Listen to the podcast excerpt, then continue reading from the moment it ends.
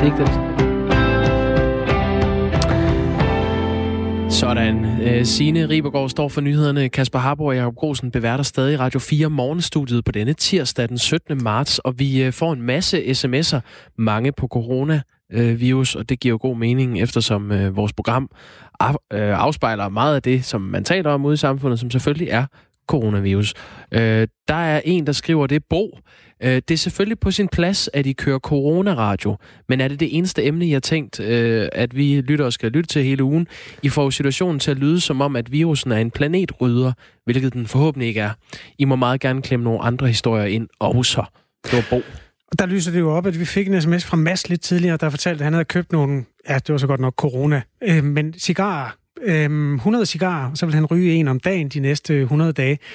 Mads, han øh, har tænkt sig at stifte en online rygeklub, og det, at han arbejder sig frem imod et koncept der. Han skriver, at det er almindelige corona, det vil sige cigarer med kongekrone i almindelig størrelse, og øh, rygepauser er jo udelukket nu, så jeg er ved at lave en tobaksklub online med chat og cam, men jeg skal kode det selv, så der går lige et par dage. Kan vi efterlyse en med forstand på HTML, øh, der er hjemsendt, som kunne hjælpe en masse, spørger han.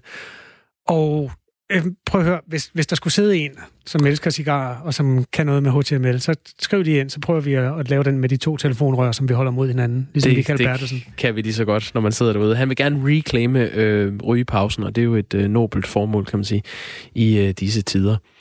Der er også en tredje sms, der er en, der skriver, øh, spørg lige Jyllandsposten, om de er friske på at lave noget satiretegning med coronavirus i Dannebro. De synes jo, det var super sjovt at tvære virusen rundt i kinesernes flag, skriver Henrik en rigtig svirper for Henrik. Den er sådan set meget sjov. Det kunne vi da godt spørge Altså, det var jo ikke sjovt, den der satiretegning. Det tror jeg faktisk ikke engang Jyllandsposten syntes. Nej, og det var jo også spørgsmål, om det overhovedet var en, øh, en satiretegning.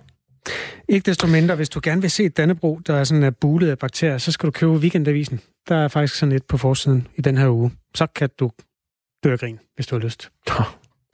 Så for solen. Øhm, der er jo øh, far for at, at smitte, og det her råd om at blive hjemme så, så meget som muligt, øh, er jo noget, man øh, håndhæver derude. Øh, men der er stadig mennesker, som i kraft af deres arbejde har svært ved at holde afstand til, øh, til andre mennesker, og som ikke kan arbejde hjemmefra. Vi sidder jo også her, Kasper, du sidder og hoster halvanden meter fra mig, og tak for det. Jeg spritter lige af, så kan du tage over her.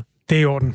Det her det er i virkeligheden et forsøg på at øh, kigge ned i en af de brancher, hvor livet går videre. Fordi vores reporter Anders Vore, han gik sig en tur ud i virkeligheden i går og besøgte en af de frisører, der stadig holder åbent, trods coronafaren. Jeg lave en reportage for de steder, der stadig holder åbent. Ja, det gør vi faktisk her i gaden. Der er en, der bliver klippet den lige nu. Ja. Må jeg gå ind og snakke med ham? Du må gerne gå ind, værsgo. Hej så. Hej. Hvad hedder du? Kasper. Du sidder og bliver klippet lige nu. Du kom ind, mens jeg snakkede med indehaveren af butikken. Er det det værd at blive klippet i dag? Ja, jeg synes under de forholdsregler, som Siba han, han har, har taget hernede for at sikre og minimere risikoen for at blive smittet. Eksperter er faktisk lidt uenige om afstanden. Der er meget stor forskel på, hvad de vurderer er en sikker afstand til folk i forhold til smitte. Lige nu står Jonas jo lige ved siden af dit hoved. Det er under alle omstændigheder jo for tæt på i forhold til, hvad retningslinjerne siger. Helt sikkert. Så, ja, også hvis når jeg er nede i supermarkedet, der var jeg jo nede i går aftes og handle ind. Man kan jo prøve at minimere risikoen. Og så kan man sige, du man bliver nødt til at handle, og så prøver man at tage sine forholdsregler, mens man handler. Men er det nødvendigt at komme ned og blive klippet? Nej, det er det ikke. Det er det helt sikkert ikke.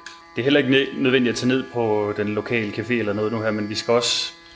Ja, det er, nogle, det er en svær situation. Det er det jo, fordi Sibans forretning, den er her ikke i morgen, hvis der ikke kommer nogen kunder det næste stykke tid nu her. Jeg ved, der er snak om selvfølgelig støtte og andet, og det håber jeg, der, der kommer. Og hvis vi når dertil, at hele samfundet skal lukke ned, så håber jeg da i den grad, at der er fuld support til sådan en som siger, for ellers så overlever sådan en big sag ikke. Jonas, hvad tænker du om at klippe, nu er det den anden kunde, du klipper, mens jeg er herinde, og klippe forskellige folk og stå så tæt på dem? Det er jo, det er jo mit job. Altså, det er jo, det er jo noget, jeg skal gøre. Altså. Og hvad tænker du i forhold til den her coronasmit? Jeg ved ikke, hvad jeg tænker. Altså, jeg tager en dag i gang, og så må man se, hvor fanden står henne, ikke? Altså, jeg har det fint nok, som, som det er lige nu, ikke? Og, og så snart jeg ved, at, eller føler, at jeg, jeg hoster, eller der er et eller andet, ikke? Jamen, så siger jeg også til chefen, at jeg ikke kan komme på arbejde, eller den uh, øh, situation er, ikke? Og så, så må jeg blive hjemme derfra, jo ikke? Men, men, men igen, jeg står jo også selv i økonomisk krise, hvis, hvis at, øh, at jeg bare får ferie, uden at få feriepenge. Altså, så på den måde, så skal jeg jo også møde op, jo. Så det, der er jo ikke så meget at gøre ved det. Jeg hedder Siban. Jeg er indhaver. Hvad vil du gøre, hvis for eksempel Jonas, der står nu og klipper en kunde, hvis han begyndte at få symptomer? Jamen, så er der jo ikke så meget at gøre og melde ham syg. Og han skal blive hjem. Og hvad med butikken? Jamen, så lukker vi. Hvis jeg, hvis jeg ved, der er en, en af kunderne i dag, eller de næste, i den her uge, der bliver ramt, og vi får det ved. Og det er det, vi kan ikke få det ved, fordi kunden vil aldrig nogensinde ringe til at sige, at jeg har symptomer, jeg har været over ved jer. Det kunne have også sket for tre år siden, fire år siden, for en uge siden. Der er ikke nogen, der vil gøre det. Så, er der, ja, så har han måske smittet halv i Aarhus. Hvordan vurderer du, om en kunde er... Ja, hvordan vurderer du, om en kunde... Øh, Ja, ligesom... det, vi kan jo ikke vurdere noget, fordi vi kan jo ikke se, om, om han hoster, når han kommer ind og, og smiler og er glad. Det kan vi jo ikke. Det er det, der er lidt svært. Det gør. Og hvordan kan det være, at I ikke har masker på herinde? Ja, det kan man også godt. Øh, Folk øh, vælger jo selv, om de vil have den på eller ej. Øh, Vi har. Nogle har den på, og nogle har ikke på. Så Nu har du jo ikke selv på. Har du selv på normalt, eller hvordan? øh, nej, nej, det har jeg ikke. Så, men jeg spørger altid kunderne, om de har nogle symptomer, om de kan mærke noget, eller om der er noget. Men det er jo det her med, at man kan, man kan være smittet, før øh, man har, får symptomerne. Øhm, så man kan jo sige teoretisk set her, når vi står og snakker med hinanden, jeg kan være smittet. Nu holder vi en afstand, og du kan være smittet. Jonas, der har været 40 cm fra en, en kunde, han kan være smittet. Og kunden fortalte, at han har en kone med dårligt immunforsvar. Så det, det, er vel, det er vel også alle sammen. Det er vel også øh, butikkerne her hjemme i Danmark, som skal måske lukke helt ned. Det, det gør de, og det gør de. Og man, det er det, som du siger. Man ved ikke, hvem der bliver smittet. Hvorfor lukker du så ikke din frisør? Lige nu er det ikke så slemt, som den er. Hvad mener du med det? Der er jo 5,5 millioner til 6 millioner befolkning, og der er 800, der er syge nu. Og der er to, der er døde, som er ældre, der har Der, svært. der er fire, fire nu faktisk. Fire, der er døde nu, ikke? ikke? Og så tænk på, hvor gamle de er. Det er dem, man skal passe på med. Ham der lige var han, han fortalte jo, at hans kone faktisk har et Så svagt skulle han tænke sig lidt mere om, om, om han vil komme her eller ej. Ikke? Og det er den beslutning, han skal selv tage. Fordi jeg kan jo ikke øh, sige til folk, har du en kone, har du et barn, der er syg? Ikke? Det skal de selv tænke sig om, inden de træder ud af døren. Folk skal også lige være lidt opmærksom på sådan nogle ting. Ikke? Kunden, der lige havde været her, han havde, var ikke kommet her, hvis de havde lukket. Så havde han jo ikke... Men han ringte, os, han ringte os om morgenen og siger, har I åbnet? Så ja.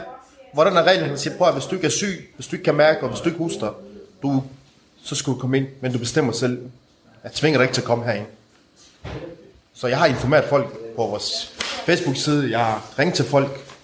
Så jeg har gjort min del. Om de kommer eller ej, det er deres beslutning. De skal selv tage den beslutning. Hvad sker der, hvis du lukkede væksten? Altså, jeg kan lukke en dag, to dage, tre dage. Jeg har otte ansat.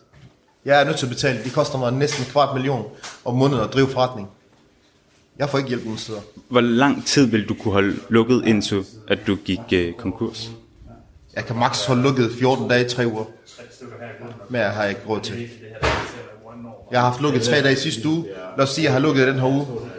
Og næste uge, så er det det. Så har jeg ikke råd til mere. Så er det tre butikker, jeg skal lukke ned. Ja, det sagde indehaverne af Aarhus Barbershop, Siban Ahmed, og det var jo Kasper Larsen, der var ved at blive klippet af frisøren, der hedder Jonas Jensen. I går kom regeringen ud med nye tiltag, der har til formål at hjælpe små og mellemstore virksomheder. Og øhm, hjælpen består i en mulighed for at udskyde betalingen af moms og skat. Derudover arbejdes der på nye initiativer for at sikre, at folk som Siban, der ejer en mindre virksomhed, ikke ender med at gå konkurs på grund af den totale stillstand, der kommer til at være de næste 14 dage. Klokken er 14 minutter over 8, og det her det er Radio 4 morgen, hvor vi også kan oplyse til folk, der sidder og drømmer om at komme til Sverige, at der i øjeblikket er lukket i retning mod Sverige på Øresundsbroen. En reparation er i gang. Ja, det er bare en lille serviceoplysning, hvis man tager den. Det er jo ikke fordi, det er helt vildt op i tiden at køre hyggeture til Sverige eller andre lande lige nu, men nu er det bragt ud. jeg skulle lige til at sige, at det var da noget, der ikke handlede om corona. Men det fik du det til at handle om alligevel. Ja, ja. Undskyld. Øh, I dag er den 17. marts, og det er i dag, at øh, hastelovgivningen, som blev øh, behandlet i torsdags i Folketinget, træder i kraft. Øh, den indeholder en række vidtgående forslag. Vi var inde på det i, øh, i den sidste time Radio 4 morgen. Det er de her øh, tiltag, der hedder mulighed for at forbyde forsamlinger med flere end 100 personer, mulighed for at tvangsindlægge, tvangsbehandle og tvangsisolere personer, som er smittet med coronavirus, og som ikke øh, selvvalgt går i karantæne eller bliver behandlet. Øh, lovforslaget giver også bemyndigelse til at øh, foretage tvangsvaccinationer, når der nu skal komme en øh, vaccination på et eller andet tidspunkt mod coronavirus. Det var et helt enigt øh, folketing, der vedtog den her hastelov efter bare en dag med øh, debat og øh, spørgsmål om loven. Men nu er der dukket en mail op, og det er fra Sundhedsstyrelsen, som øh, skrev dagen inden hastebehandlingen til regeringen. Øh, det er en mail, som Folketingets øh, politikere først fik kl. 22.30 torsdag aften. Det var halvanden time før deadline.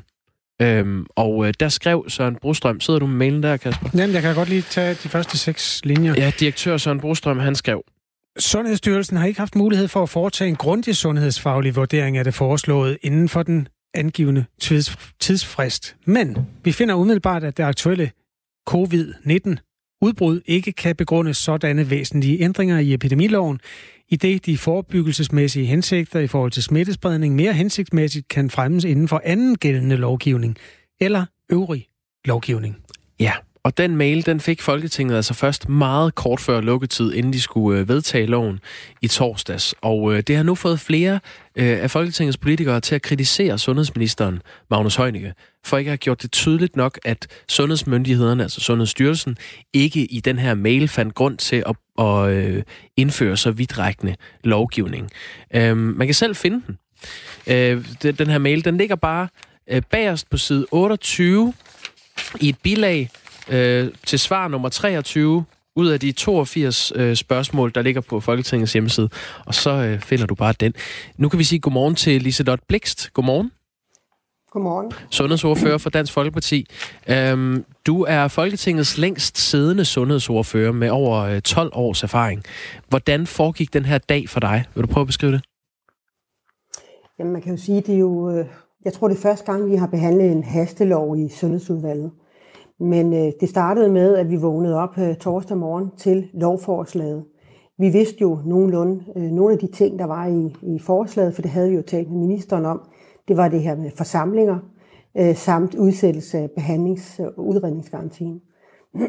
Men mange af de andre ting med det her med øh, øget øh, brug af tvang osv., den havde vi øh, ikke hørt om tidligere. Så det vil sige, at det er rigtig mange ting at sætte sig ind i, samtidig med, man har møder øh, hele dagen. Altså, vi startede gruppemøde halv ni, øh, så fra jeg vågner om morgenen, så skal jeg jo læse hele lovforslaget igennem øh, og sætte mig ind i de tekniske ting, og det handler om epidemilovgivning og, og så videre. Ikke? Øh, og klokken halv ni, der har jeg så gruppemøde øh, med min gruppe, hvor jeg selvfølgelig øh, tager nogle af de her ting op. Øh, og så, ja, så går dagen ellers lige efter gruppemødet, så har vi ud, hvad hedder det, for, ind i Folketingssalen, hvor vi har første behandlingen. Og det er så der, vi går ind og siger, om vi støtter eller ikke støtter, og hvad vi har af betænkeligheder i, i forhold til den. Ikke? Så øh, ja. Ja, og du har så, Liselotte Blix, du har udtalt til Berlingske, øhm, og nu citerer jeg, når man som politiker går med til noget, man ikke bryder sig om, og efterfølgende finder ud af, at man ikke har fået vigtige informationer i ordentlig tid, så påvirker det selvfølgelig tilliden frem, øh, fremover i lignende forløb. Det er en skam i disse alvorlige tider. Øhm, mm. Vil du ikke øh, lige forklare, hvorfor det ikke var nok, at den her mail den lå i et bilag, som I jo egentlig bare kunne finde frem og læse? Det kunne vi jo ikke som sådan nok. Da klokken er 22.30, der sidder vi faktisk og har lavet det, der kaldes en betænkning. Altså, hvad er det for betænkeligheder, vi har til loven? Øh, det får vi faktisk samtidig med, at vi har skrevet og har ytret vores holdninger, stillet vores spørgsmål og ændringsspørgsmål. Så det er faktisk for sent, vi får øh, svaret. Og samtidig er der ikke tid til at læse det, fordi der skal vi ind i salen og andenbehandle forslaget. Ja, og så, det er jo så det, har ikke øh, haft tid til at læse det. Magnus Heunicke, han lægger jo vægt på, han siger, at det er ikke en fejl, at I øh, først Mm. får den 22.30, men han siger, at I havde den faktisk øh, både inden anden behandling og inden tredje behandling. Er det ikke også øh, korrekt? jo, øh, fordi vi går jo ind og anbehandler øh, bagefter, men kl. 22.30 var deadline for, at vi som politikere og partier kunne fortælle, hvad vi syntes om lovgivningen. Der var ligesom lukket, og det er der, at der ligger det her svar, øh, som vi først, øh, ja, som, som så ligger der på det tidspunkt, hvor vi faktisk har truffet en afgørelse. Men partiet og, og så videre. Ikke? Ja, men så skal I så stemme om den til sidst, og der kunne du bare have sagt, at vi, vi har ikke haft tid nok. Vi kan ikke øh, stemme for det her. Øh, jamen, på det tidspunkt har jeg jo ikke tid i forhold til, at øh, vi bliver presset til, at det skal ske inden kl. 24. Øh, det var det, vi blev presset til. Altså, da vi sagde jo også, at hvis, hvis ikke vi kan få ordentligt svar, så må vi jo vente. Men øh, det øh, blev jo presset, det koster menneskeliv. Altså du sidder i en situation, hvor øh, du jo får at vide, hvis ikke man øh, får det her igennem her nu, jamen så vil det koste menneskeliv i sidste ende. Øh, så, så det er jo en af grunden til, at man så øh, gør det. Der, hvor jeg synes svigtet er, det er jo, at øh, vi har haft rigtig meget kontakt med sundhedsministeren, øh, som jeg faktisk har været ude at rose, at vi har haft mange møder. Men der kunne man jo fremlægge, at øh, nogle ting i den her hastelov var noget, man politisk mente var bedst at gøre, men at øh, Sundhedsstyrelsen øh, ikke brød sig om det, eller mente, at man kunne gøre det på en anden måde. Det forstår jeg ikke, man ikke fremlægger fra start af, fordi øh, selvom der ligger den her mail, så har de jo tæt kontakt med Sundhedsstyrelsen igennem hele forløbet. Vi har haft Søren Brostrøm med på mange møder, men der er ikke nogen, der nævner det. Øh, så derfor mener jeg, at det er utroværdigt at sige, at dem selvfølgelig har vi kunne læse det, når det kommer 22.30. Det bliver faktisk endnu mere harm over. Øh, jeg, jeg, jeg synes, at øh, hvis det er, at man gerne ønsker et, et fuld opbakning fra resten af Folketinget, så skal man altså lægge alle ting frem og fortælle, hvad er det for nogle politiske holdninger, der gør, at man vil ændre en epidemilov, som øh, Sundhedsstyrelsen ikke mener er nødvendig. Men står du i dag og vil ikke have stemt for den her øh, hastebehandling af lovgivningen? Så vil jeg have lavet nogle andre ændringer. Jeg vil gerne have spurgt Sundhedsstyrelsen og Søren Brostrøm om, hvordan kunne vi øh, bruge sundhedslovgivning uden at ændre hele epidemiloven. Det er nogle drastiske skridt, øh, vi går ind i, i den her lovgivning øh, med, at man kan tvangsbehandle folk, man kan tvangsvaccinere osv., og det er noget, der bryder med, med mange af Anhors principper herinde. Men der var jo en, Liselotte Bæks, der var jo en, en anden måde. Jamen, der var jo en grund til, at det skulle behandles så hurtigt, det her. Vi ser jo lige nu en udvikling, hvor øh, jamen, det, det er mange øh, smittede øh, danskere, der kommer til i statistikken for hver dag, der går. Så hvis øh, Sundhedsstyrelsen skulle øh, til at udarbejde det, det vil jo have taget flere dage. Vil du have været klar på det? Det har ikke noget med at udarbejde. Det har noget med at inddrage Folketinget i det arbejde, man laver. Og du kunne se i forhold til det arbejde, vi sad med, det man brugte meget tid på, og vi så også fik tvistet, det var, at der skal en dommerkendelse til at gå ind i et hjem. Øh, men det brugte man det meste tid til. Der kunne vi jo også have taget nogle af de andre ting, øh, hvis var vi havde vidst, at øh, man kunne gøre det på en anden måde. Har du, har du tillid til sundhedsministeren efter det her? Altså ikke den tillid, jeg har haft tidligere, og der vil jo sige, at øh, skal vi lave en lovgivning en anden gang, så vil jeg da øh, spørge meget mere ind til det og, og sikre, at vi har alle dokumenter, og de er læst. Så øh, jeg har tidligere jeg har haft øh, 12 ministre i det hele, tror jeg, øh, i min tid som sundhedsordfører. Og der har jeg haft her tillid til, at man lægger alt frem, og man inddrager øh, sundhedsordførende i forhold til, øh, hvordan man tænker og handler. Øh, og der må jeg sige, der, har, der, der er en knække lidt her. Men det er jo, ja, det er jo en, øh, selv sagt en særlig situation, når en lov skal hastes, hastebehandles øh, på en dag. Altså, du siger selv, at I står op og får det her præsenteret, og så klokken 24, der skal I altså have vedtaget det her, så det kan blive implementeret hurtigt. Det er jo en, øh, mm. en helt ekstraordinær situation, landet står i, og, og resten af verden i øvrigt. ja, vi havde tidligere Peter Velblund med, sundhedsordfører fra Enhedslisten, og øh, ja. han sagde sådan noget her, det svækker tilliden til ministeren. Er det også sådan, du har det? Ja, det er jo det, som jeg siger. Altså, der, der er sket et brud på den tillid, som man har til en minister. Men har du så tillid til ham? Nej, det har jeg så ikke. Altså, øh, man kan have tillid på mange måder. Øh, man kan have fuld tillid, og så skal man have øh, sådan, ja, nu skal vi lige have fremlagt det, eller man skal huske at spørge ind til, hvad der skal være. Så, så øh, det er den måde, jeg har det på. Sæt lige nogle flere ord på, hvad er det for en slags øh, tillid, eller manglende tillid, du har til Magnus Heunicke nu? Det er, at jeg er bange for, at han ikke inddrager os i nogle af de beslutninger, der bliver taget, hvor han ønsker, at vi skal være med. Øh, og det er selvfølgelig noget af det, som man så skal sørge for at spørge ind til. det kan jo faktisk forsinke, hvis der nu skal hastebehandles noget mere lovgivning øh, på et senere tidspunkt. Det er jo ikke utænkeligt i, øh, i den situation, vi står i lige nu, hvor der er pressemøder hver dag. Øh, vil du så være klar på at, at forsinke sådan en proces, fordi du øh, skal være helt sikker på, at du har fået alting øh, præsenteret?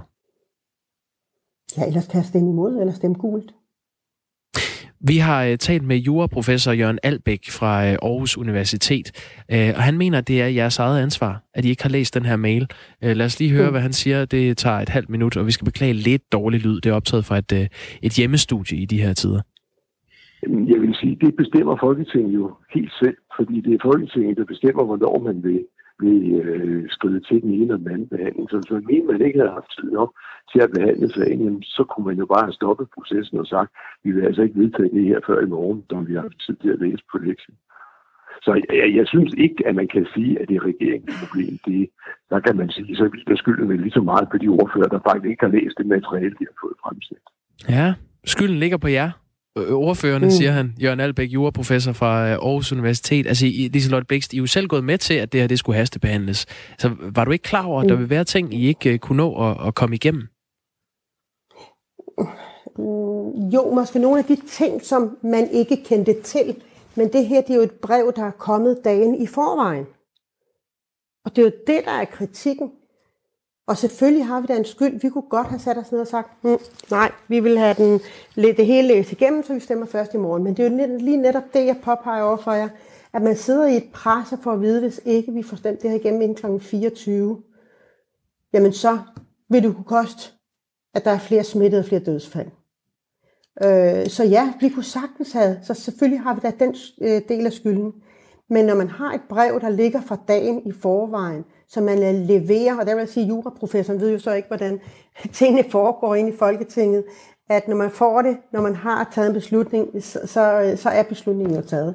Og så har man lavet en betænkning, og så har man ikke den tid, der skal til for at sætte sig ned og læse det. Øh, og folk kan jo selv gå ind, som I selv har sagt, øh, og se, hvor mange bilag der ligger, og at man skal finde det her i en bunke. Øh, og det er det, der synes øh, være lidt underligt. Ikke? Så reelt så har man faktisk truffet beslutninger, om man vil stemme for allerede før anden behandling af loven? Jamen, man kan jo sige, øh, jamen det gør du jo, fordi øh, ved anden behandling laver du jo en betænkning. Øh, du kan så trække hele øh, sagen øh, før tredje behandling, øh, før du trykker på knappen selvfølgelig. Mm. Men, men øh, i den her tid, hvor det var en hastebehandling, så, så løb tiden jo i forhold til øh, de ting, du, du laver, de møder, du har gang i osv. Ikke? Det er altså et indblik, øh, du var med til at give os i øh, maskinrummet i vores demokrati. Når der virkelig skal tages nogle, øh, nogle hurtige og vidtrækkende beslutninger, så kan det være den her måde, det foregår mm. på. Liselot Blikst, sundhedsordfører fra Dansk Folkeparti. Tak fordi du var med her. Jo, selv tak. God dag. I lige måde. Tak, i lige måde. Klokken er 8.27 på den tirsdag, som måske vil blive husket som dagen, hvor EM i fodbold blev ikke aflyst som sådan, men i hvert fald det, der skulle have heddet EM 2020 det kommer til at hedde EM 2021. Mm. Øh, det er der flere ting, der peger i retning af. For det første, at der er et møde, hvor EU's, øh, nej ikke EU, UEFA, UEFA's øh, spids mødes. Blandt indicierne er også, at UEFA har afbestilt en masse af de hoteller, som skulle have øh, været øh, hjemsted for forskellige former for officials, bolddreng og hvad ved jeg, i København i forbindelse med EM-slutrunden forestående sommer. Ja. Øh, ja, du ser spørgende ud. Nej, det er fordi, når du nævner hoteller, jeg kommer til at tænke på en anden historie. Lad, lad os bare blive på det her. Der, nej, lad mig lige hurtigt nævne, det er bare Hotel Corona i Herning. Ja, du skal bygge broen, hvis du kan. Jamen, det kan jeg da snilt. Det her handler om coronaudbruddet, og det handler, og nu taler du lige om hoteller, vi skal nok vende tilbage til den. Det er bare, hvilket hotel vil du helst bo på? Et hotel, der hedder Herning City Hotel, eller et hotel, der hedder Hotel Corona? Corona any day. Hotel Corona i Herning har skiftet navn til Herning City Hotel. Jeg kan bare til at tænke på det, når du... Okay. Det var en lidt en derail. Tak skal Beklager. du have. Fortsæt yes. øh, fodbold. Jamen, det er bare for at sige, at øh, altså, sportens verden er jo hvis du er færdig med at fortælle om hotellet ja, det er jeg. Sportens verden er jo hæmmet af det her, og ja. det er jo altså ikke bare EM 2020, men muligvis også OL i Tokyo. Ja. Den, den del af det er stadig sparket til hjørne, men EM ser ud til allerede i dag at kunne øh, flyttes et år frem. Mm. Det, der så er det store problem, er, at næste år, 2021, som jo ellers er de ulige år, er ved fodboldfolket jo, det er jo de, de år, hvor der ikke er nogen slutrunder. Ja. Så på den måde kunne det være godt. Det, der bare er problemet, det er, at øh, nu har det internationale fodboldforbund FIFA langt om længe kunnet... Øh, altså, der er jo planlagt et stort klub-VM næste år, på det tidspunkt, hvor man gerne vil flytte EM-slutrunden til. Åh. Oh. Og ved du, hvor det foregår, eller skulle foregå? Klub-VM? Asien. Kina. Ah. ja. Det hele er en lille smule uheldigt. Nu mødes de i eftermiddag, så tager de stilling til, om vi kommer til at se EM-slutrunde i 2020 eller 2021. Lige nu er der nyheder med Signe Ribergaard Rasmussen. Klokken er halv ni.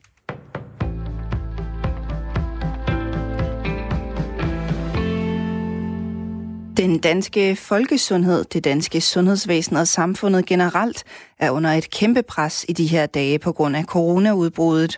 Derfor så opfordrer sundheds- og ældreminister Magnus Heunicke endnu en gang befolkningen til at tage situationen med coronavirus alvorligt. For det er ikke alle, der har forstået budskabet endnu, mener han. Det understregede ministeren på et pressemøde mandag, men her til morgen går han også til tasterne på Facebook. Jeg ser stadig alt, alt for mange, der tager alt for afslappet på vores sundhed i den her krise. Alt for mange, som ikke holder afstand, og som åbenbart ikke føler, det er relevant for dem at gøre, som myndighederne siger, skriver han. Men epidemien er i gang nu. Vi kan ikke undgå den længere. Men vi kan sætte en kraftig dæmper på den voldsomme stigning. Og det er det nødvendigt, at vi gør nu, for vi ser store stigninger i antal indlagte. Det kan vores sundhedsvæsen ikke holde til. Det kan ingen landes sundhedsvæsener holde til, skriver ministeren. Han skriver også, du risikerer at blive en del af en dødbringende smittekæde, som i enden har et barn med nedsat immunforsvar, en kronisk patient eller din egen far og mor. Danskernes feriepenge skal bruges til at hjælpe erhvervslivet. Flere partier de foreslår nu, at regeringen åbner posen med de mange milliarder af danskernes feriepenge, som står indefrosset som krisehjælp til virksomheder og fyringstruede danskere. Det skriver Jyllandsposten. Organisationen for små og mellemstore virksomheder, som hedder SMV Danmark, mener, at fyringer helt kan undgås, hvis de tilbageholdte feriepenge bliver bragt i spil rigtig mange virksomheder er presset af at have udgifter til medarbejdere og til en, øv, en masse øvrige omkostninger. Ved at frigive de her øh, ekstra ferieuger, øh, som vi har, øh, så bliver det sådan set medarbejderne selv, der får noget mere ferie, øh, som de kan holde, uden at det belaster virksomhedens regnskab. Så på den måde, så kan vi holde mere ferie i 2020, i stedet for at gemme de her ekstra ferieuger til den dag, vi skal på pension. Det siger vicedirektør i SMV Danmark, Jakob Brandt. Hvis medarbejderne øh, stadig er i, i virksomheden, øh, men bliver sendt hjem uden at skulle lave noget, jamen, så skal de jo betale lidt til medarbejderne. Øh, selv med den hjælpepakke, der kom øh, i søndags, så skal man stadig betale 25 procent af medarbejdernes løn. Hvis man sender medarbejderne på ferie, øh, så er det jo medarbejdernes egen penge, som de har opsparet. Derfor så øh, belaster det ikke virksomhedens regnskab. Statsminister Mette Frederiksen hun opfordrede i sidste uge til at afspacere og om muligt at holde ferie. Ferieloven den bliver dog ændret i år, og staten indefryser fem ugers feriepenge for alle frem til pensionsalderen. Og det her overgangsår, det betyder, at rigtig mange danskere i forvejen er presset på feriekontoen. Derfor så kræver flere partier, at regeringen skal undersøge, hvordan man kan frigøre nogle af feriepengene for at modvirke coronakrisen. Beskæftigelsesminister Peter Hummelgaard han er ikke afvisende. Han siger nemlig, at regeringen ikke afviser noget på forhånd. I dag underskriver dronningen den omfattende hastelovgivning, som skal hjælpe til at bremse spredningen af coronaviruset. Dermed så træder den officielt i kraft, efter at et enigt folketing både første, anden og tredje behandlede den torsdag. Det betyder også, at sundheds- og ældreminister Magnus Heunicke han får en række usædvanligt vidtgående beføjelser. Regeringen har på forhånd meldt ud, at den vil tage loven i brug med det samme. Først og fremmest så bliver større arrangementer forbudt, og pårørende de får ringere mulighed for at komme på besøg på plejehjem og hospitaler. Regeringen annoncerede i sidste uge, at alle forsamlinger på flere end 100 personer bliver forbudt. Den seneste uge er antallet af smittede med coronavirus i Danmark steget eksplosivt, og det fik onsdag regeringen til at tage den drastiske beslutning at lukke landet delvist ned. I dag så skal Folketinget hastebehandle to andre lovforslag, som skal afhjælpe nogle af de konsekvenser, som coronakrisen har for erhvervslivet. I dag bliver det mest skyet, og i Jylland kommer der lidt regn af og til. Temperatur mellem 7 og 10 grader, og efterhånden jævn til hård vind fra sydvest.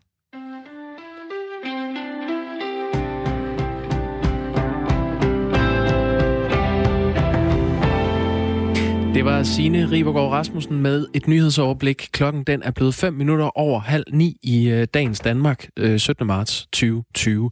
Her. Så her er en sang om, hvad du må og ikke må, og hvordan du skal få tiden til at gå. Vi vader rundt i øh, alvorlige beskeder og anmodninger og forklaringer og ting og sager, som i den sidste ende er en lille smule hårdt for vores sjæl at kapere. Og derfor er det rart, når det bliver masseret ind med en rar stemme. Og sådan en har Mira Siegel, som er kommunist og sanger. Godmorgen. Godmorgen. Godmorgen. Hvordan fandt du på, at vi skulle have en coronasang i det her plagede samfund? Jamen, øh, som du selv sagde, så, så tænkte jeg, at vi måske var mange lige nu, der godt kunne bruge et, øh, et godt grin.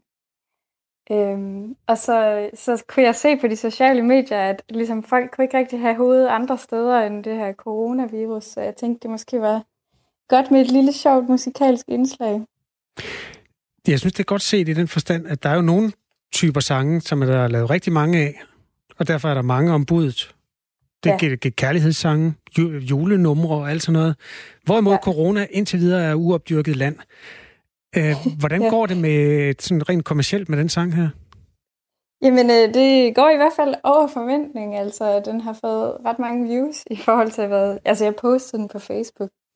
Øh, og så er den blevet delt rigtig mange gange. Så det, det er jo bare vildt sjovt. Er der nogen, der synes, at man ikke må lave sjov med lige præcis det her? Det har jeg faktisk ikke været ude for, at der var nogen, der blev sure over det, nej. Det øh, er jo et godt tegn i det her, yeah. Øh, den her alvorlige tid.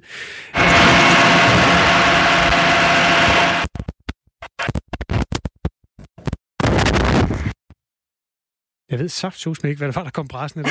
Er du stadig hos os, Mia? Ja, det er jeg. Okay.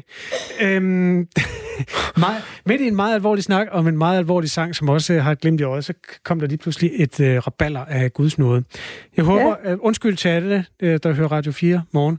Det vi skal nu, det er faktisk, at vi skal øh, høre den her sang i fuld længde, som du har indspillet til os her i Radio 4. Så lad os bare lige simpelthen yes. lukke øjnene og nyde, medmindre du kører bil, og nyde det. Det gør Nu sidder vi i lockdown. Uden noget at give os til. Og du tænker for dig selv. Hvad er meningen med det?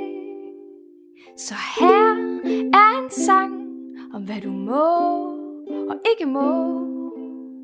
Og hvordan du skal få tiden til at gå. For du skal asking.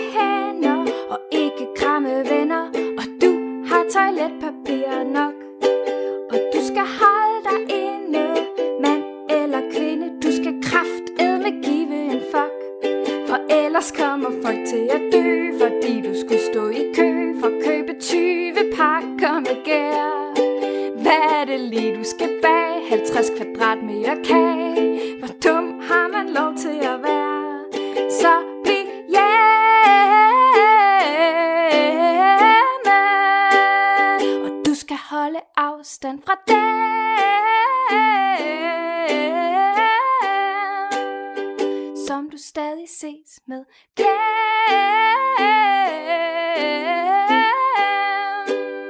Din udlandsferie og bliv hjemme.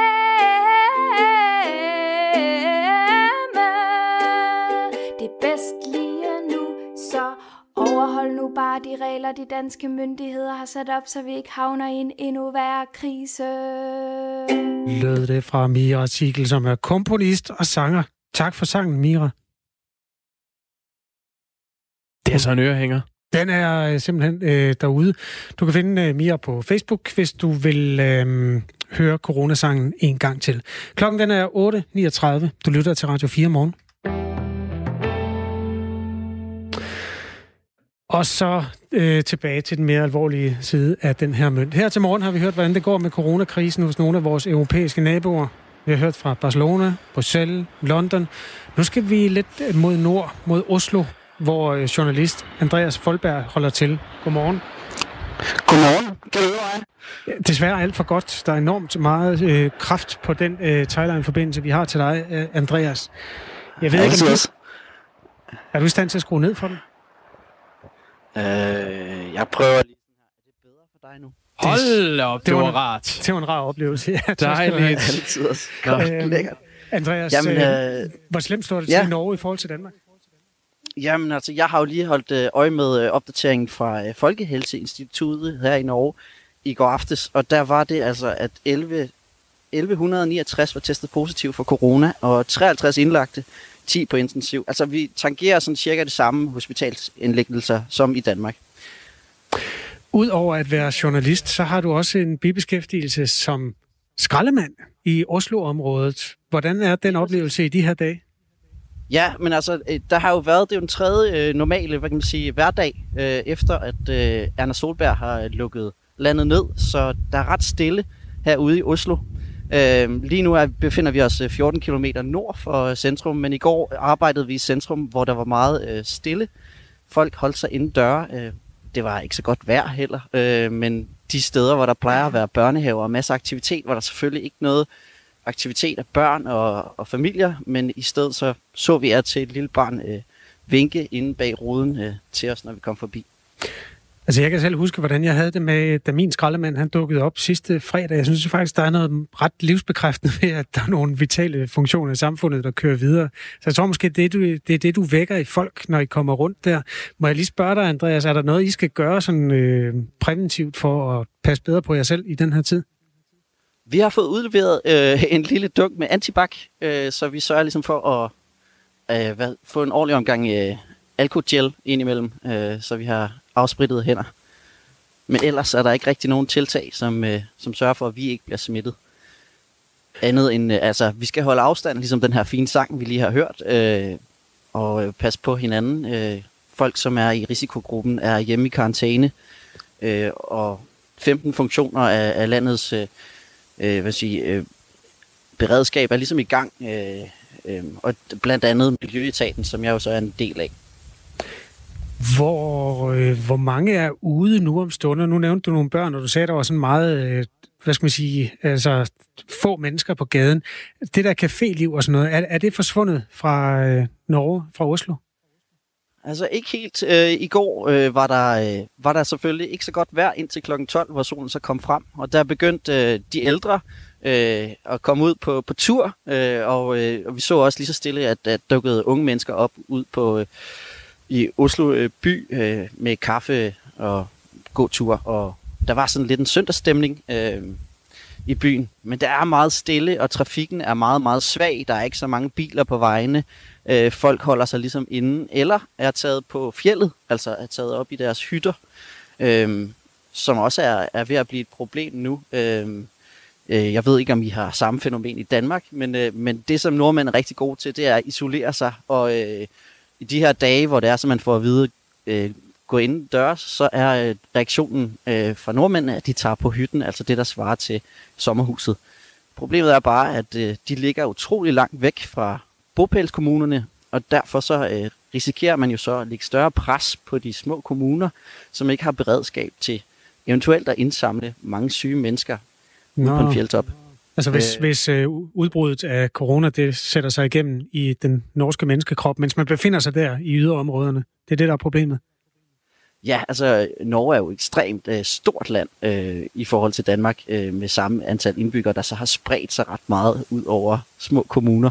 Øh, du forestiller dig et lille område, som, hvor der er afsat en enkelt akutlægebil, øh, pludselig skal tage sig af dobbelt så mange. Øh, det er jo en risiko. Derfor overvejer regeringen faktisk at forbyde øh, folk at tage på hytte. Det, der øh, er i værktøjskassen, som ikke er blevet taget frem endnu i Danmark, men som til gengæld andre steder er blevet øh, brugt, det er det her med for det første at lukke cafélivet, for det andet at simpelthen gå frem til det, der hedder udgangsforbud. Altså at folk kun skal gå ud, hvis de skal på arbejde, eller hvis de skal handle. Er det øh, noget, man overvejer i Norge også? Altså, der er ikke et decideret forbud. Der er faktisk opfordring til at gå, øh, gå tur i skoven. Øh, det er også en ting, man, man ser her, da der var godt vejr i går. At der var rigtig mange folk i Marka, som øh, byskoven rundt om byen hedder. Øhm, og nu øh, advarer Folkehelseinstituttet faktisk om, at der er for mange mennesker i samme skiløjpe, at man ligesom skal sørge for, at der er god afstand, også herude øh, udenfor. Men, men der er lige passeret en, en, en kvinde her fra, fra området, sådan, så folk går altså på gaden og går udenfor, selvom de ikke skal på arbejde. Og det lyder fuldstændig ligesom noget, vi kender. Journalist Andreas Folberg og skraldemand Andreas Folberg. Tak fordi du var med i Radio 4 morgen. Jamen, bare hyggeligt. Klokken er kvart i ni. Så hyggeligt. Ja, det er dejligt at høre noget norsk. Ja, det hørte vi jo faktisk ikke. Nej, men uh, der var noget norsk melodi i hvert fald. Ikke? Det, det kan du regne med. Ja, klokken den er blevet kvart i ni. Og? Og hvad så? Øh, jamen, jeg kan samle op på noget, i øvrigt, hvis du har lyst til at høre en nyhed, som for det første handler om corona, og for det andet øh, handler om noget andet også. Ja. Udenrigsministeriet har oprettet en særlig Sydamerika Taskforce, som danskere i Sydamerika og pårørende herhjemme kan henvende sig til. Det er en mm. ret alvorlig øh, historie i virkeligheden at være strandet i, det, i et andet land og en anden verdensdel. Øhm, det her det er noget, jeg læser op fra Twitter. Ja. Danmark øh, MFA. Det er titlen på den øh, konto, som tilhører Udenrigsministeriets borgerservice, mm. som har øh, øh, retweetet det her. Og øhm, det sjove er, eller det er jo ikke sjovt, men det er jo bare sådan lidt, det er den tid, vi lever i, ikke? Hvad tror du, der er de første fem svar, der kommer på sådan en tweet?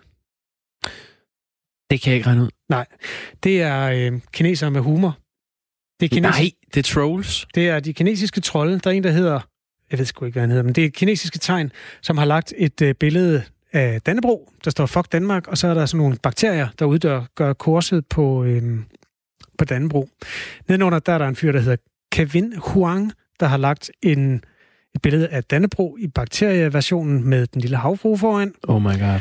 Nummer tre, det er så Chao, der blander sig i debatten, også med nogle, øh, noget bakteriehumor. Jeg synes faktisk, de har øh, opgraderet øh, siden øh, de første trolls lagde noget op, dengang Jyllandsposten lavede sin satire-tegning. Nu laver vi øh, øh, øh, gåsøjne, men øh, øh, den tegning, hvor man fremstillede øh, det kinesiske flag med coronavirus, øh, der gik øh, kineserne, nogle trolls jo, øh, til angreb på det danske flag, mm. lavede det danske Dannebro med øh, små emoji-lorte, for eksempel på, hvor der stod fuck, fuck. Ja. Øh, jeg ved ikke. Det er det, den frugt, der hænger lidt lavt på træet. Der er andre følelser i spil øh, her i Danmark omkring sådan noget. Det må være en lille smule ærgerligt ikke at have humor, øh, fordi øh, her i Danmark kan vi jo godt selv finde ud af at lave de der tegninger. Weekendavisen har en forside, hvor der er sådan et fuldstændig bakterieinficeret dansk flag på. Ja. Og øh, ja. Må jeg sige noget øh, i relation til den her historie, som øh, faktisk er en øh, lidt øh, mere personlig ting? Ja, det synes jeg, du skal gøre. Min lillebror er strandet i Chile lige nu. Ej, det er da ked af at høre. Ja, han øh, har været på backpackrejse og skulle egentlig have rejst i halvanden måned nu. Øhm, men han skulle gerne være, øh, ja faktisk så tror jeg, han om et par timer er på vej øh, med et fly ud af Chile. Det er i hvert fald det, der er intentionen fra Udenrigsministeriets side, at få halet så mange som muligt hjem. Ja. Hvordan har kontakten været med din lillebror i den sidste tid? Jamen, det har været meget turbulent. Jeg talte med ham i går øh, på, på FaceTime, og det er jo sådan noget, de har ikke vidst, om de kunne komme ud, og de har ikke vidst, om de vil lukke grænsen. Det har de gjort i nogle øh, sydamerikanske lande. Øh, blandt andet sagde han, at øh, grænsen til, til Argentina, øh, jeg tror det var mellem Argentina og Brasilien, var blevet lukket. Øh, så der foregår noget lige nu, at de får hele tiden kontrameldinger, så det er sådan noget med, at de har været i kontakt med myndighederne hjemme, hvordan de skulle øh, nå at komme hjem. Og i går fik de så at vide, at grænsen ville lukke i går, og de skulle med et fly her til morgen. De er fire timer bagud, så det er om et par timer, skal han flyve. Nå, lykkeligvis. Må jeg lige spørge, fordi når man har kigget på verdenskortet, så ud over Afrika, ja. så har Sydamerika jo faktisk været det sted, hvor der var færrest røde pletter på. Er, ja. er de coronafri? Øh, han sagde, at på det hostel, øh, han befinder sig på lige nu, der går de og gør lidt grin med, at, øh, at de her danskere, de skal hjem på grund af coronavirus, øh, og at, øh, når er I bange for det og sådan noget. Fordi det, det har ikke, ligesom, det har ikke øh, gjort sit indtog på den måde i, øh, i Chile endnu. Nej, vent I bare, chilenere. Det der, det, øh, det, det opdager I, når det kommer. Det er det nok, desværre, ja. Jamen, øh, klokken den er 8.49. Du lytter til Radio 4 morgen. 17. marts, det er Jakob Grosen og Kasper Harbo, der er værter i det her radioprogram. Ja, og så øh, kan vi sige godmorgen til en øh, faktisk en anden vært her på Radio 4, Jan Graup. Godmorgen. Godmorgen, Jan Graup. prøver lige igen. Der, Altså, du har fat i Niels Højby nu. Vi prøver lige her. Ja, lad os lige se, der er total forvirring. Jan Graup, krigsfotograf og vært på Radio 4. Godmorgen. Godmorgen. Der var du. Vi bør holde os væk fra store forsamlinger, Jan Graup. Vi skal begrænse vores sociale aktiviteter. Vi skal så vidt muligt holde os hjemme. Det er sådan, uh, anbefalingerne lyder fra de uh, danske myndigheder. Og du har uh, flere steder på de sociale medier kaldt det hysteri. Og så har du fortalt til Berlingske, at du ikke agter at øh, ændre i din hverdag. Øh, hvorfor mener du ikke, at du skal følge de her anbefalinger? Jamen altså, det mener jeg også, jeg skal, øh, kan jeg forstå øh, nu. Øh, men men jeg, har, jeg, har, jeg har haft lidt svært ved øh, det hele den her måde, som det er blevet grebet an på. Og, og jeg synes, at, at folk har det med at gå i, i et meget hysterisk øh, mode. Og det, og det, det, har, det har jeg det svært med. Hvad, hvad er det, du har det svært med? på- Jamen, jeg har det, fordi at, at jeg, mit arbejde rundt omkring i verden øh, tager mig igennem nogle steder, hvor jeg ser nogle ting, som jeg mener øh, fortjener meget mere opmærksomhed. Og, øh, og derfor så, så synes jeg, at det bliver hysterisk, når man ser, hvad der, hvad der reelt sker herhjemme. Hvad er det, der fortjener større opmærksomhed herhjemme lige nu? Øh, tag flygtningekrisen, Hvorfor fortjener den større opmærksomhed lige nu? fordi der står øh, i 100.000 vis af mennesker og banker på. Øh, der sidder 20.000 mennesker i Moria-flygtningelejren øh, i Grækenland øh, i en forfærdelig situation, som, øh, som, vi, som vi slet ikke øh, er opmærksomme på. Men hvorfor kan vi ikke tale om coronavirus herhjemme, øh, når der er flygtninge i, øh, i flygtningelejrene i Grækenland? Jamen, øh, skal, vi, skal vi nu ikke lige prøve at slappe bare en lille bitte smule af? Det skal nok, det skal, det skal nok, det skal nok lykkes det hele. Tag det nu roligt. Altså, easy tiger. Øh, Jan Graup, du mener faktisk, at du øh, selv har, at der er god risiko for, at du selv har coronavirus. Øh, Hvordan øh, har du det? Ja, det er fint. Ja, det er godt. Hvad, hvad bygger du på, at du tror, du har corona? Øh, jeg har været syg i 14 dage. Har du bevæget dig rundt udenfor imens? Ja. Vi skal sige godmorgen til professor og øh, overlæge på Rigshospitalet, Niels Højby også. Øh, Godmorgen, Niels Højby. Øj, der er en øh, frygtelig støj på linjerne lige nu. Niels Højby, er du med os? Ja, det kan så. Det var godt. Jan Graup, øh, som vi har med her på den anden linje, han har rejst i hele verden, øh, set øh, ufattelige ting, utallige krige, katastrofer, øh, på nærmeste hold er blevet beskudt, øh, har sågar også øh, haft en blodprop på et tidspunkt. Hvordan vil du øh, overbevise Jan Graup om, øh, hvorfor det er vigtigt at følge de her anbefalinger i forhold til coronavirus? Det er for at beskytte andre. Øh, for hans eget vedkommende, hvis han skulle have coronavirus, hvad jeg egentlig ikke vil tro, han har, så er det jo ham selv, det går ud over. Men det går ud over alle de andre, som han smitter, og det er det, man skal tænke på. Ikke? Det er et samfundssind, man er nødt til at vise, og det er at beskytte andre, som er svage, og få den her epidemi til at gå over. Og vi ved, det kan lade sig gøre. Se på, hvad det har gjort i Kina, se på, hvad det har gjort i Sydkorea. Det har hjulpet, og det vil det også gøre her. Jo tidligere vi sætter ind, jo hurtigere hjælper det. Nu fortæller Jan, at han øh, har bevæget sig rundt udenfor i, øh, i 14 dage og haft det, øh, haft det skidt. Hvorfor tror du alligevel ikke, han har coronavirus? Det er et langt sygeforløb, hvis det er det. Øh, og en almindelig virusinfektion øh, som corona eller influenza tager som regel ikke mere end højst en uge. Så er det overstået, og hvis man fortsat er syg, så er det komplikationer i form af, at man kan få bihulbetændelse, bihulebetændelse, eller man kan få bronkitis, eller hvad det nu kan være. Men hvad synes du så om, at, at han fortæller, at han altså har bevæget sig rundt de seneste 14 dage udenfor og synes, det er lidt hysterisk? Jamen, altså, det er jo først de sidste dage, det her det øh, er eksploderet herhjemme, og inden da øh, var han vel ikke meget anderledes end mange andre. Øh, så startede det jo altså for knap en uge siden, altså jeg tror det var onsdag, det rigtig gik i gang i den, ikke? så startede det øh, for alvor, og så satte alle de her ting igennem. Så øh, den, den uge før der, jamen der har han jo ikke gjort andet end alle andre, og så efterhånden så øh, går det jo op for folk, og det kan jeg også høre, det gør for Jan måske, øh, at det her det skal stanses, og vi skal beskytte øh, de, de svage i samfundet. Det er jo det, vi gør, på den måde, vi gør det her. Det her, det skal stanses, og vi skal beskytte de svage i samfundet. Hvad siger du til det, Jan Grav? Jamen, jeg, jeg tror faktisk, jeg er fuldstændig enig.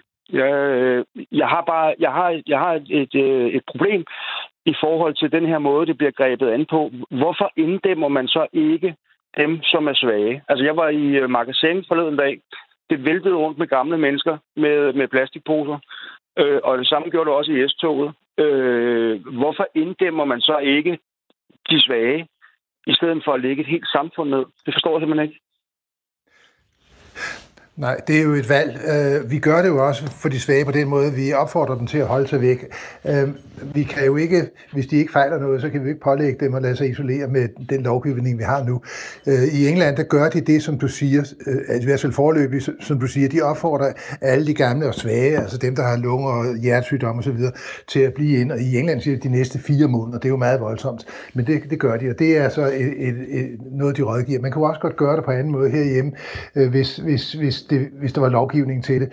Men vi har altså valgt at gøre det på en anden måde, og det har jo virket i, som, du, øh, som I kan se på, på WHO's øh, og Johns Hopkins oversigter, det har virket både i Kina, og det har virket i Korea, og det har virket inden for en måneds tid. Det er det fantastiske ved det. Med de der, det var drastisk, mere drastisk i Kina, end det var i Korea, men det har virket inden for cirka en måneds tid.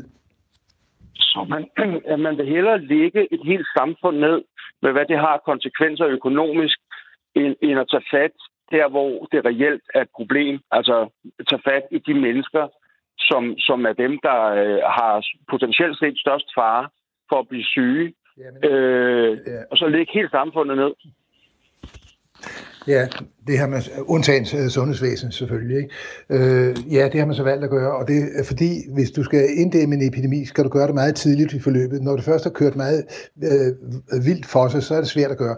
Så der er alt for mange smittede, der er alt for mange modtagelige, og så kører den bare løs. I starten der er der få smittede, og der er mange modtagelige, og det, de få smittede kan man så, som vi prøver nu, øh, inddæmme og nu også afbøde, og så kan vi jo se, det virkede i de lande, jeg lige har beskrevet. Så det er det, man gør, og man så skal ned, nedlægge øh, hele samfundet, det kan jo diskuteres, men det her er altså det, man har valgt at gøre. Øh, det, der vi ved øh, fungerer rigtig godt, det er at lukke børneinstitutioner, lukke skoler og lukke undervisningssteder, fordi der er meget social interaktion mellem dem, der måtte være smittet, og dem, der øh, så bliver smittet. Så det virker meget godt. At lukke grænserne, ja, det er hvis det er importerede tilfælde, der kan man sige, det er jo overalt i Europa, så der er jo selvfølgelig noget, der er nogen idé i at gøre det. Og det gjorde det jo også i Sydkorea, der lukkede de over for, for en række andre lande, men ikke over for alle lande, og tilsvarende har de jo også gjort det i, i Kina selvfølgelig, øh, lukket over for Wuhan-byen. Jeg har lige et spørgsmål til dig, Jan Graup, nu vi har dig. Har du nogensinde ja. været i et uh, epidemiområde før? Du har jo rejst meget ja. i Afrika blandt andet. Ja, det har jeg. Hvordan har det været? Altså, øh, den, den, hvad var øh, forudsætninger? Hvad var det for en, en sygdom? Ja, det var Ebola. Hvordan, øh, hvordan var folks omgang med hinanden der? Øh, relativt normal, vil jeg sige.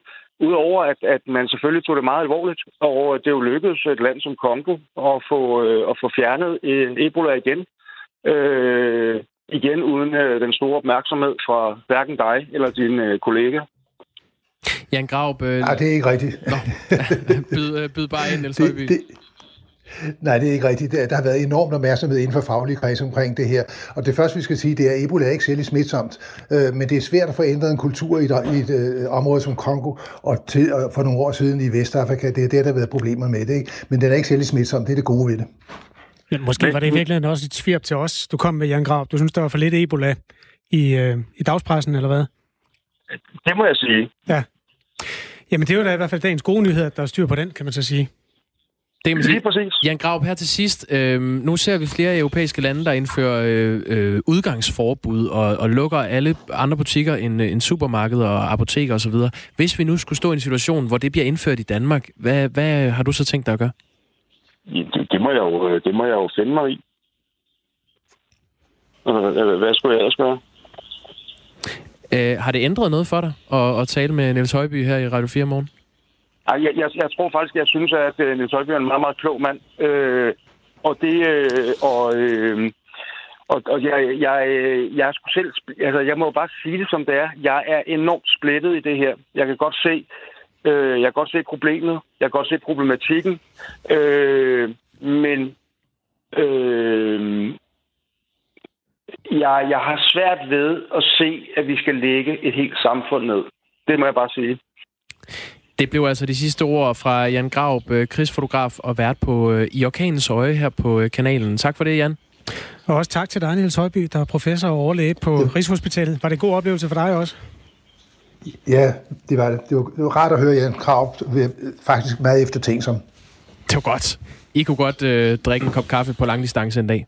på en dag, hvor vi altså også nået frem til, at øh, Ebola er dæmmet ind i Kongo, uden at det har fået den opmærksomhed, som det måske kunne have fortjent. Og det kan jo så også være et lille vink med en vognstang om, at vores samfund også på et tidspunkt får ret sig at komme videre efter den her epidemi, eller pandemi, som vi er blevet en del af i Radio 4 morgen. Både nyhedsmæssigt og øh, ja, sådan helt fysisk. Der er flere og flere af vores lyttere, der skriver, at de godt kunne tænke sig nogle historier, der handler om noget andet. Så det må vi lige se, om vi kan røre lidt i gryden i forhold til i morgen. Ja, det er taget til efterretning. Øh, vi siger tak for øh, den her morgen. Ja. Kasper Harbo og Jacob Grosen. Ønsker dig verdens bedste tirsdag. Nu er det Sines tur.